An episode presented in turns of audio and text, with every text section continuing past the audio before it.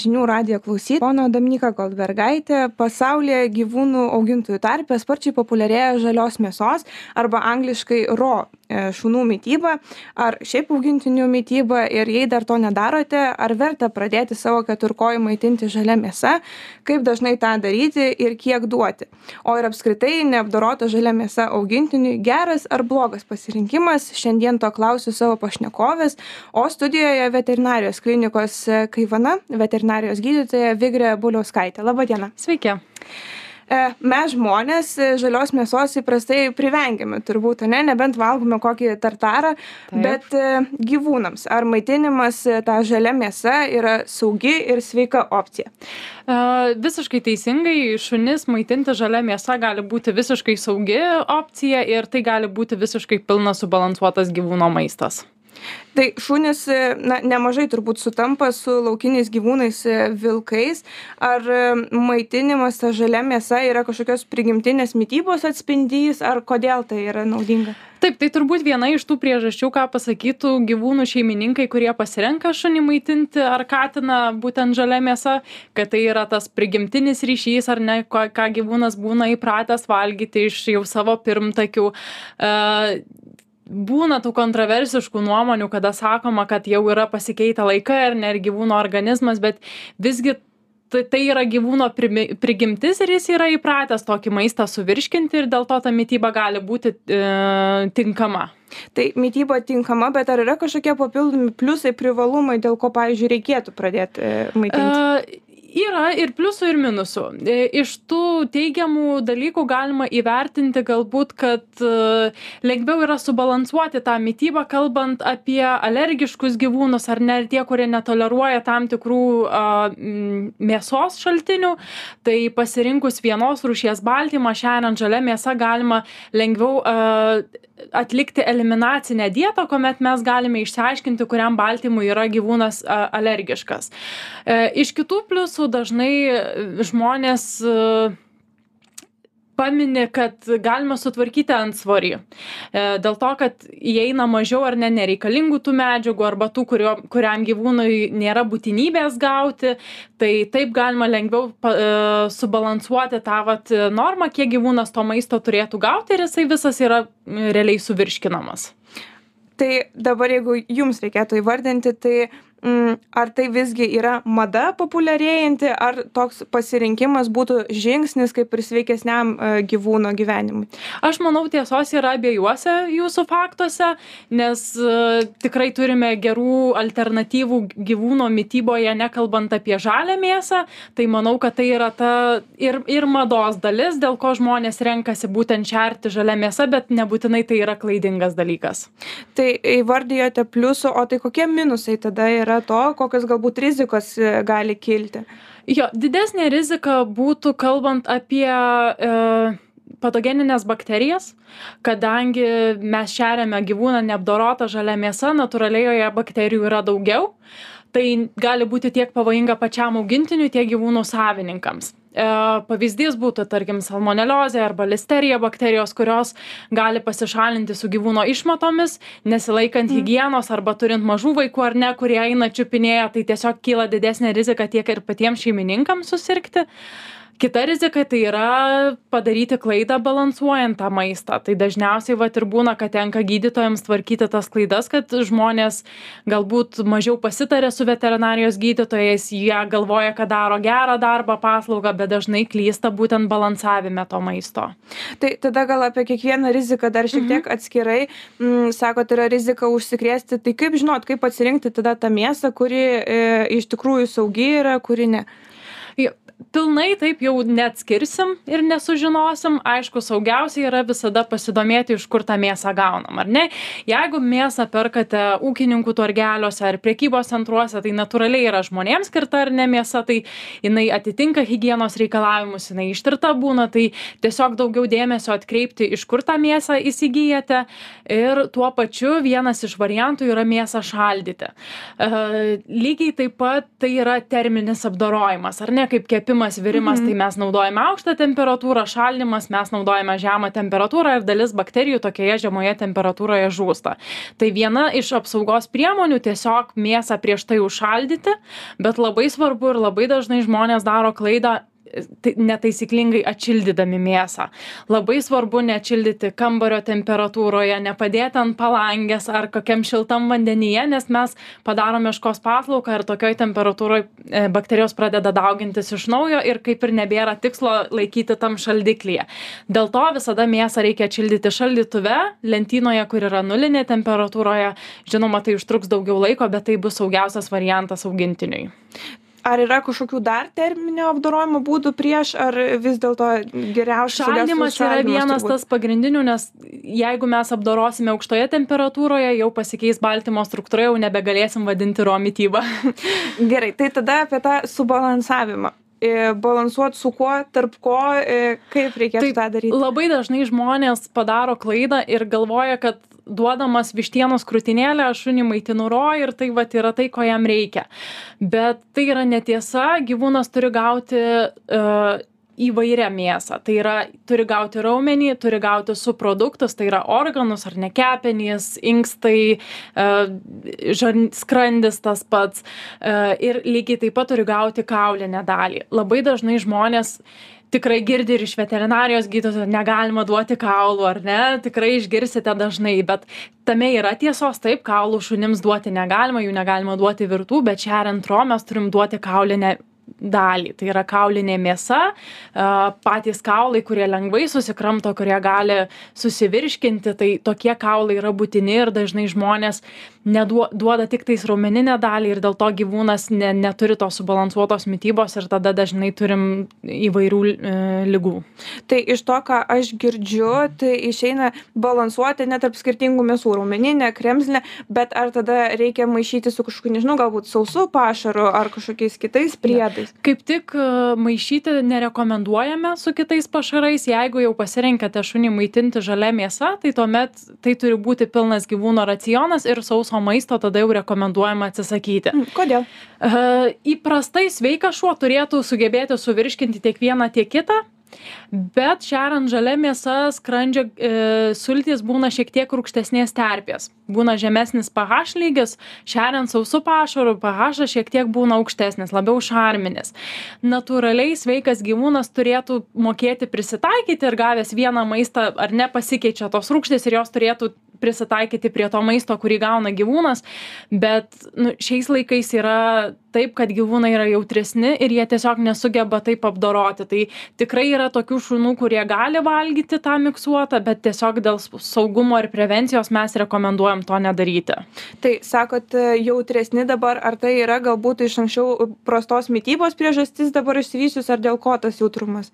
Labai sunku pasakyti.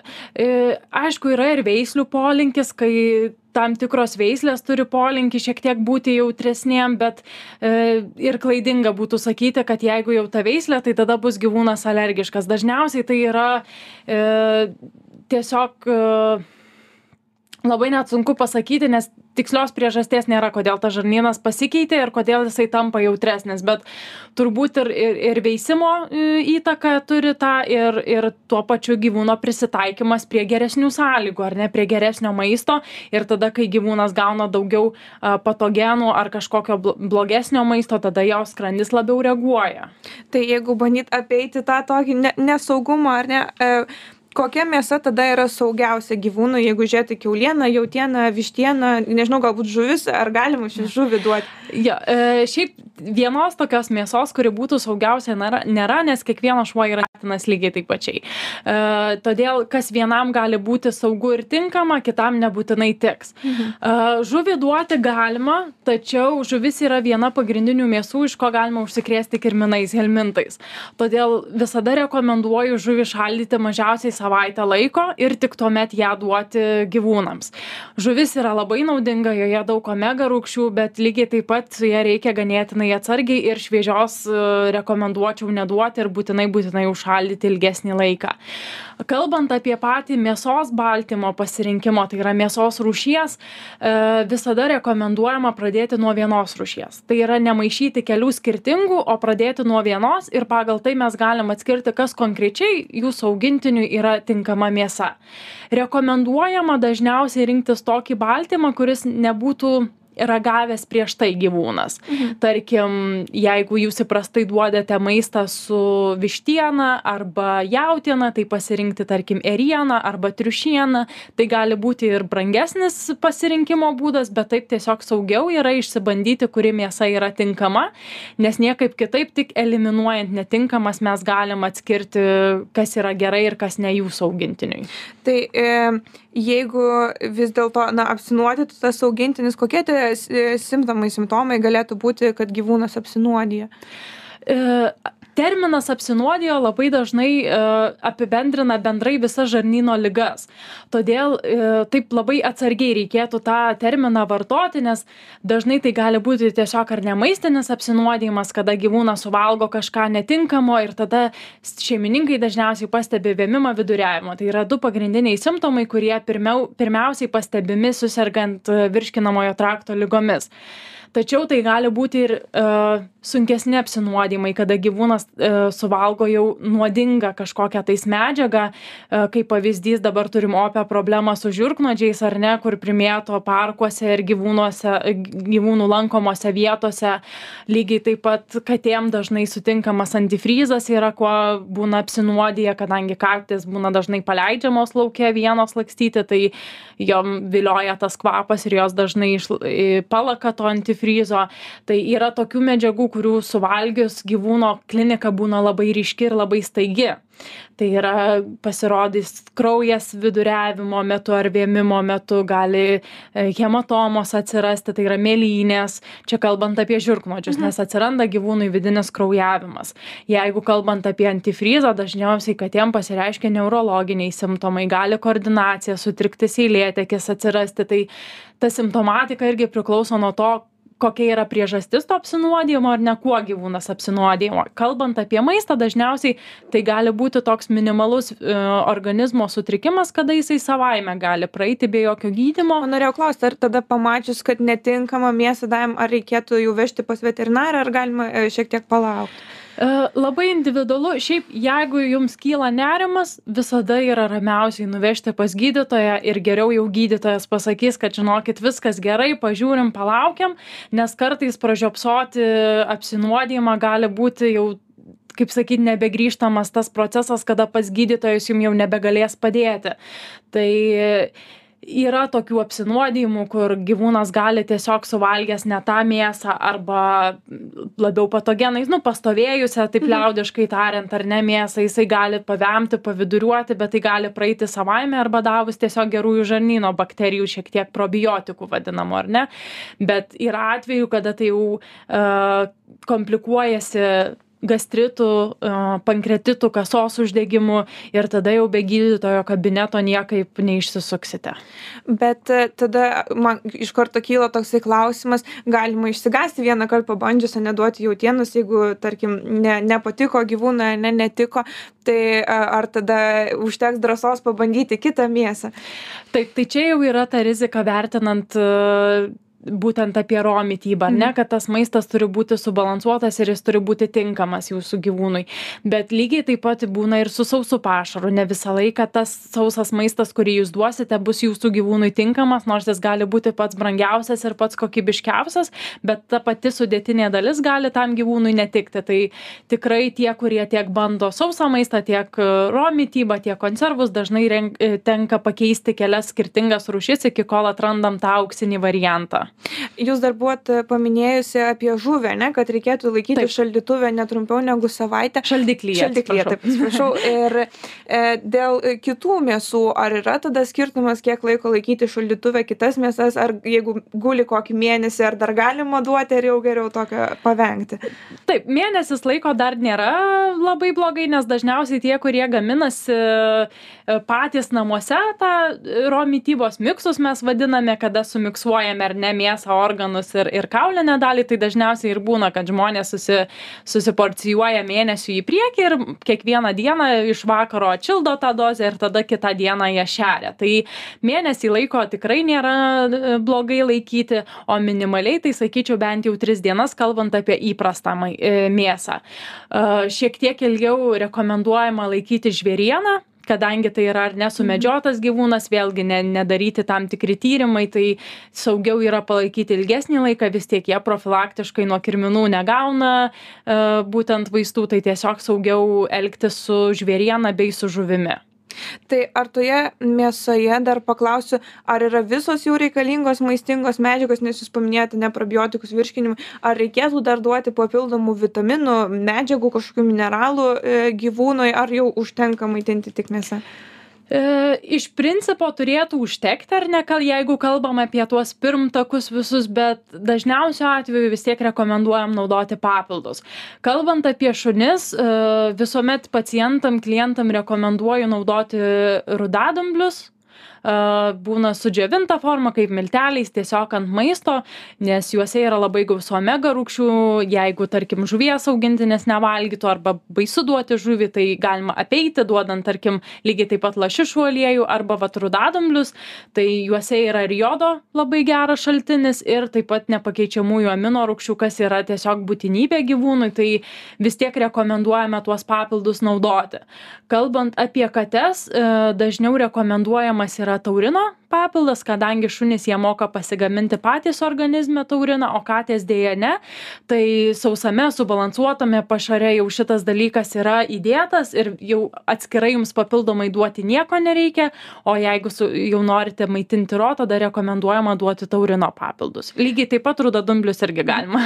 Tai dabar tada dėl dažnumo maitinimo, ar maitinti tokiu pat dažnumu kaip ir įprastai sausų, pavyzdžiui, maistu, ar čia kažkaip skiriasi? I, Šiek tiek skiriasi, aišku, tas mytybos laikas labai priklauso nuo gyvūno amžiaus bei veislės, kadangi jaunesni maži šuniukai ar kačiukai jie turi valgyti dažniau, nes jiems gliukozė turi laikytis panašiai visos dienos metu, kadangi greita medžiagų apykaita, ar ne? Tai dažniausiai jaunus gyvūnėlius rekomenduoja maitinti bent jau tris kartus dienoje, e, paskui augant galima jau sumažinti iki dviejų kartų, ką, dažniausiai darome ir su sausu pašaru. E, Vienintelis skirtumas, kad didesnių veislių šunis rekomenduojama ir galima šerti e, ža- maitinant žalia mėsą tai vieną kartą dienoje, bet irgi ne visą laiką to, toks laikotarpis tinka gyvūnam ir da, dažnu atveju irgi pasiliekame prie dviejų kartų. Tai labai individualu ir jau su gydytoju pasitarus tą dažnumą nuspręsite.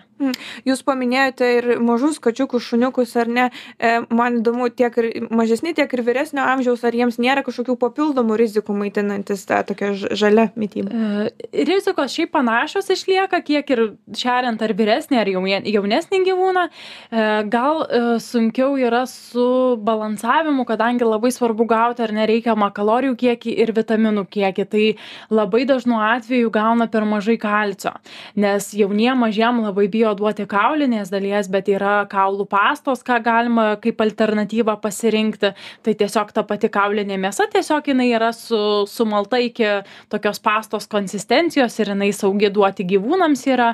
Galima rinktis kiaušinio lūkštą, kuris yra irgi puikius kalcio šaltinis. Tai dažnu atveju mes rekomenduojame duoti geriau jau subalansuotą sausą maistą, nes tikrai yra, kada šeimininkai daro klaidų mažiem šuniukam balansuodami ir bandydami sureguliuoti tą vat mytybą.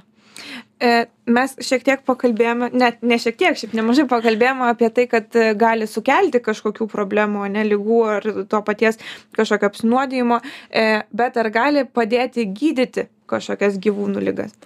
Taip, tai vienas iš tų netgi kaip diagnostikos priemonių gali būti naudojant, tai kalbant apie maisto netoleravimą ir alergijas, tai kaip ir prieš tai minėjau apie eliminacinės dietas šiek tiek, kad e, jeigu turim alergišką gyvūną ar ne, kuris e, turi maistinę alergiją ir siekiant išsiaiškinti, tai labai dažnai rekomenduojama daryti eliminacinę dietą, būtent taikant ro mytybą, kada duodamas yra vienos rūšies ar ne baltymas, viena mėsa ir pagal tai mes galime atskirti, kokiai mėsai gyvūnas gali būti alergiškas ir po eliminacinės dietos gali žmonės arba rinktis sausą mitybą jau atsirinkus tą mėsą, kuri yra tinkama, arba gali likti prie tos pačios ro mitybos.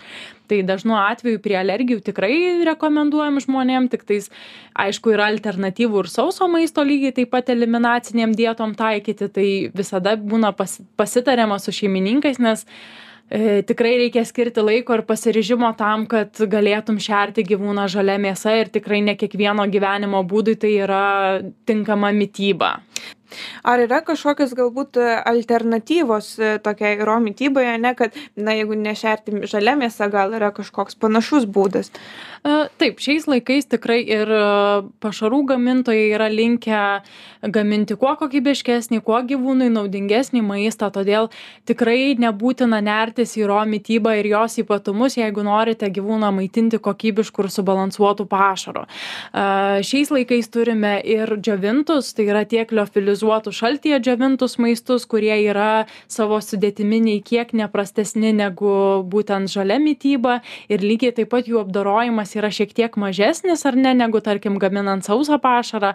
Lygiai taip pat yra ir šilumoje džiovinti bet lėto džiovinimo maistai kurie puikiausiai e, tinka kaip ro pakaitalas. Ir dažnai žmonės kurie neturi laiko būtent rinktis ro žalią mitybą jie renkasi tokias alternatyvas ir jos tikrai ne ką prastesnės negu žalia mėsa ir jų didžiausias pliusas jos jau yra subalansuotos ir jum nereikia bijoti kad padarysite klaidą porcijuodami maistą Tai va dabar ir judant link, link apibendrinimo, jeigu vis dėlto apsisprendžia, e, ne, šeimininkas maitinti žalia mėsa, e, kaip supažindinti gyvūną, ne, su, su tokia mytyba, nuo ko galbūt pradėti ir kokių klaidų vengti, taip apibendrinant mūsų pokalbį.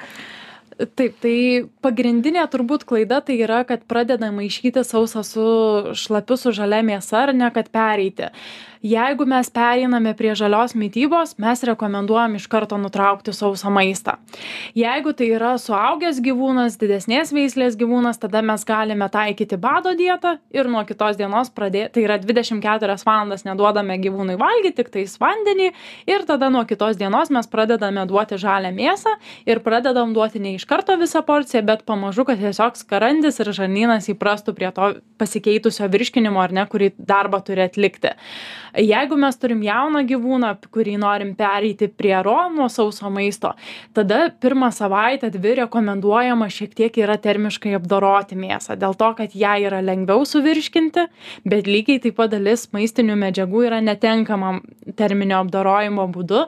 Tai būtent todėl tai yra tik tam pereinamajam laikotarpiui kad gyvūnas įprastų prie tos mėsos valgymo dėl to kad jam bado dietos taikyti negalime. Dėl mažo svorio tarkim dėl greitos medžiagų apykaitos apykaitos mes galim tiesiog susargdinti gyvūną jeigu neduosime jam valgyti. Tai aišku visada geriausia pasitarti su veterinarijos gydytoju jis manau tikrai patars kaip saugiai pereiti nes vis tiek kiekvienas gyvūnas individualus bet tikrai nėra taip paprasta kad vat užsimaniau ir kitą dieną tikrai turim nedaryti streso gyvūno organizmui ir pa pamažu pereiti. Visgi tokia mityba jūs ir pati užsiminėt ir brangesnė šiek tiek gali būti ar ne? Tai sakykit jūsų nuomone ar verta pradėti tą daryti ar ne dėl kainos tai irgi labai individualu nes priklauso kokią mėsą gyvūnams duodam nes nu yra ir pigesnių ir brangesnių ar ne? Tikrai į turguje nuėjus galima visokiausių pasirinkimų rasti. Tai jeigu gyvūnas neturi alergijos vištienai ar jautienai tai ta e, žalioji ro mityba gali būti tikrai pigesnis variantas negu tarkim pirkti subalansuotą sausą pašarą. E, jeigu gyvūnas turi alergijų ir mes turim gyvūną šerti ėrieną avieną ar nežinau žuvimi ta pačia lašiša tai tikrai gali išbranginti tą būtent mitybą. Pasirinkimas taip jeigu žmogus tikrai nori skirti tam laiko nes reikia skirti laiko ir pasidomėjimui ar ne kad mes žinotumėm kaip daryti ką daryti jeigu žmogus turi tam laiko jeigu žmogus gali skirti jeigu žmogus gali prisitaikyti kelionės metu ar ne nes vis tiek reikia įsivertinti jeigu žmonės dažnai keliauja dažniausiai nerekomenduojama taikytis jau yra puikių alternatyvų ką geriau pasirinkti tokiu būtent keliu tai e, tikrai tam reikia daug pasiryžimo e, bet tai nereiškia kad tai yra bloga mityba tai jeigu tai yra jūsų pirmas augintinis jeigu tai e, jūs esat ganėtinai užimti žmonės tikrai yra puikių alternatyvų kuo galima šerti neskaitant žalios mėsos na ką tai mūsų laikas e, jau išėjo visai į pabaigą o man tuomet e, belieka tik padėkoti už pokalbį. Ačiū jums už jūsų įžvalgas ir pasidalinimus e, tikrai patirtimi. Studijoje buvo veterinarijos klinikos kaivana veterinarijos gydytoja vigrė buliauskaitė prie mikrofono buvo dominyka goldbergaitė likite prisijungę